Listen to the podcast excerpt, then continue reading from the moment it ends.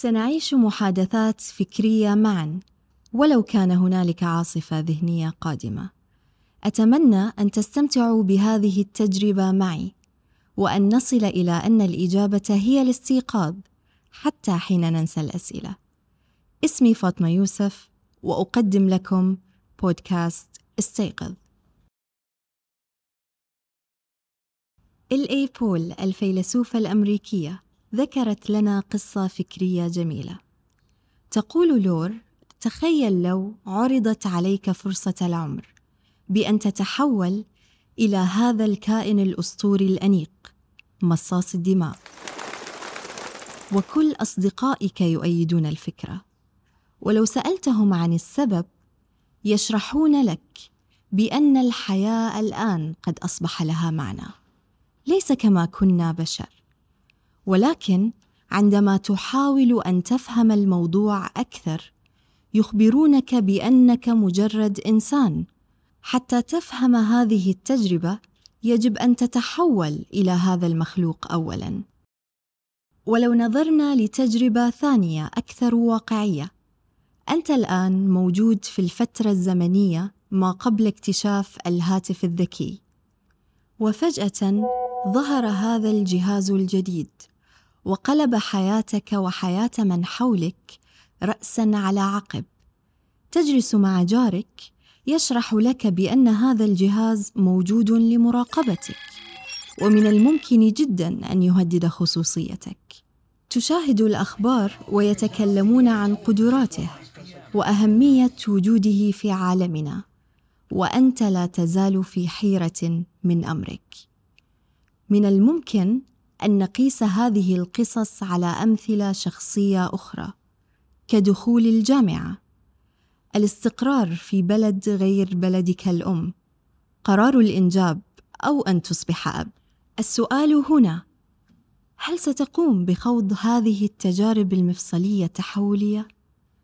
كيف تستطيع أخذ قرار حكيم ومتزن؟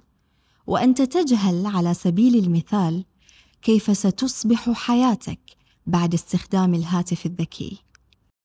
من الأسئلة المهمة أيضا ماذا لو؟ ماذا لو كانت الأحداث التي تعيشها في الوقت الحالي تنبئك بأن هذه التجربة التي تود خوضها ليست التجربة المناسبة لك؟ وخوفك من المستقبل يزيد الطين بله في هذه الحالة كيف تستطيع أخذ قرار واع وسليم؟ التجارب المفصلية عندما تأتي لك أو تذهب أنت إليها يحدث شيء سحري للغاية. يحدث تغيير جذري لماهيتك وتبدأ بالتشكل مجددا كما يتشكل العجين. تبدأ في ملاحظة تغيرات في شكل حياتك تغيرات في شكل تفاعلاتك مع نفسك ومع العالم الذي من حولك.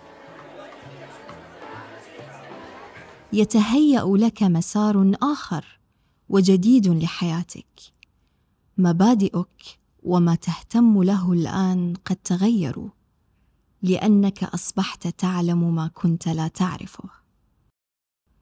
ومثلما تخلق المرآة المقعرة للسيارة تشويها في المسافة.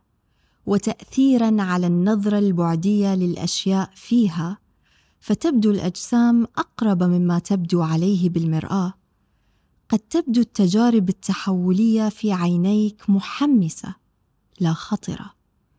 ربما صديقتك التي قررت أن تنجب على سبيل المثال أحبت هذه التجربة فقط لأنها أصبحت أم الآن. فباتت ترى المزايا وتركز عليها. ومع وجود هذه الاحتمالات اللانهائية بأن تنجح أو تفشل يأتي جهلك بسبب وجود هذا الحائط المعرفي الذي يقف بينك الآن وبين ما ستصبح عليه في المستقبل. عندما تأتي جائحة كجائحة كورونا ليست باختيارنا. ونعتاد أن نستجيب لها بمرونة لا بمقاومة وانغلاق. وعندما ننظر لتجاربنا التي يجب أن نختارها بأخلاقية بمنطقية وبتواضع معرفي ونعتاد أن نكون منفتحين لها كانبساطة اليد. وعندما تدرك أنت بأن التجارب هي محنكك وهي محكمك وهي مهذبك. ستتعلم كيف تأخذ القرار. الآن ما رأيك؟ هل ستقفز في تجربة مفصلية؟ كانت معكم فاطمة يوسف في بودكاست استيقظ من قناة مساحة.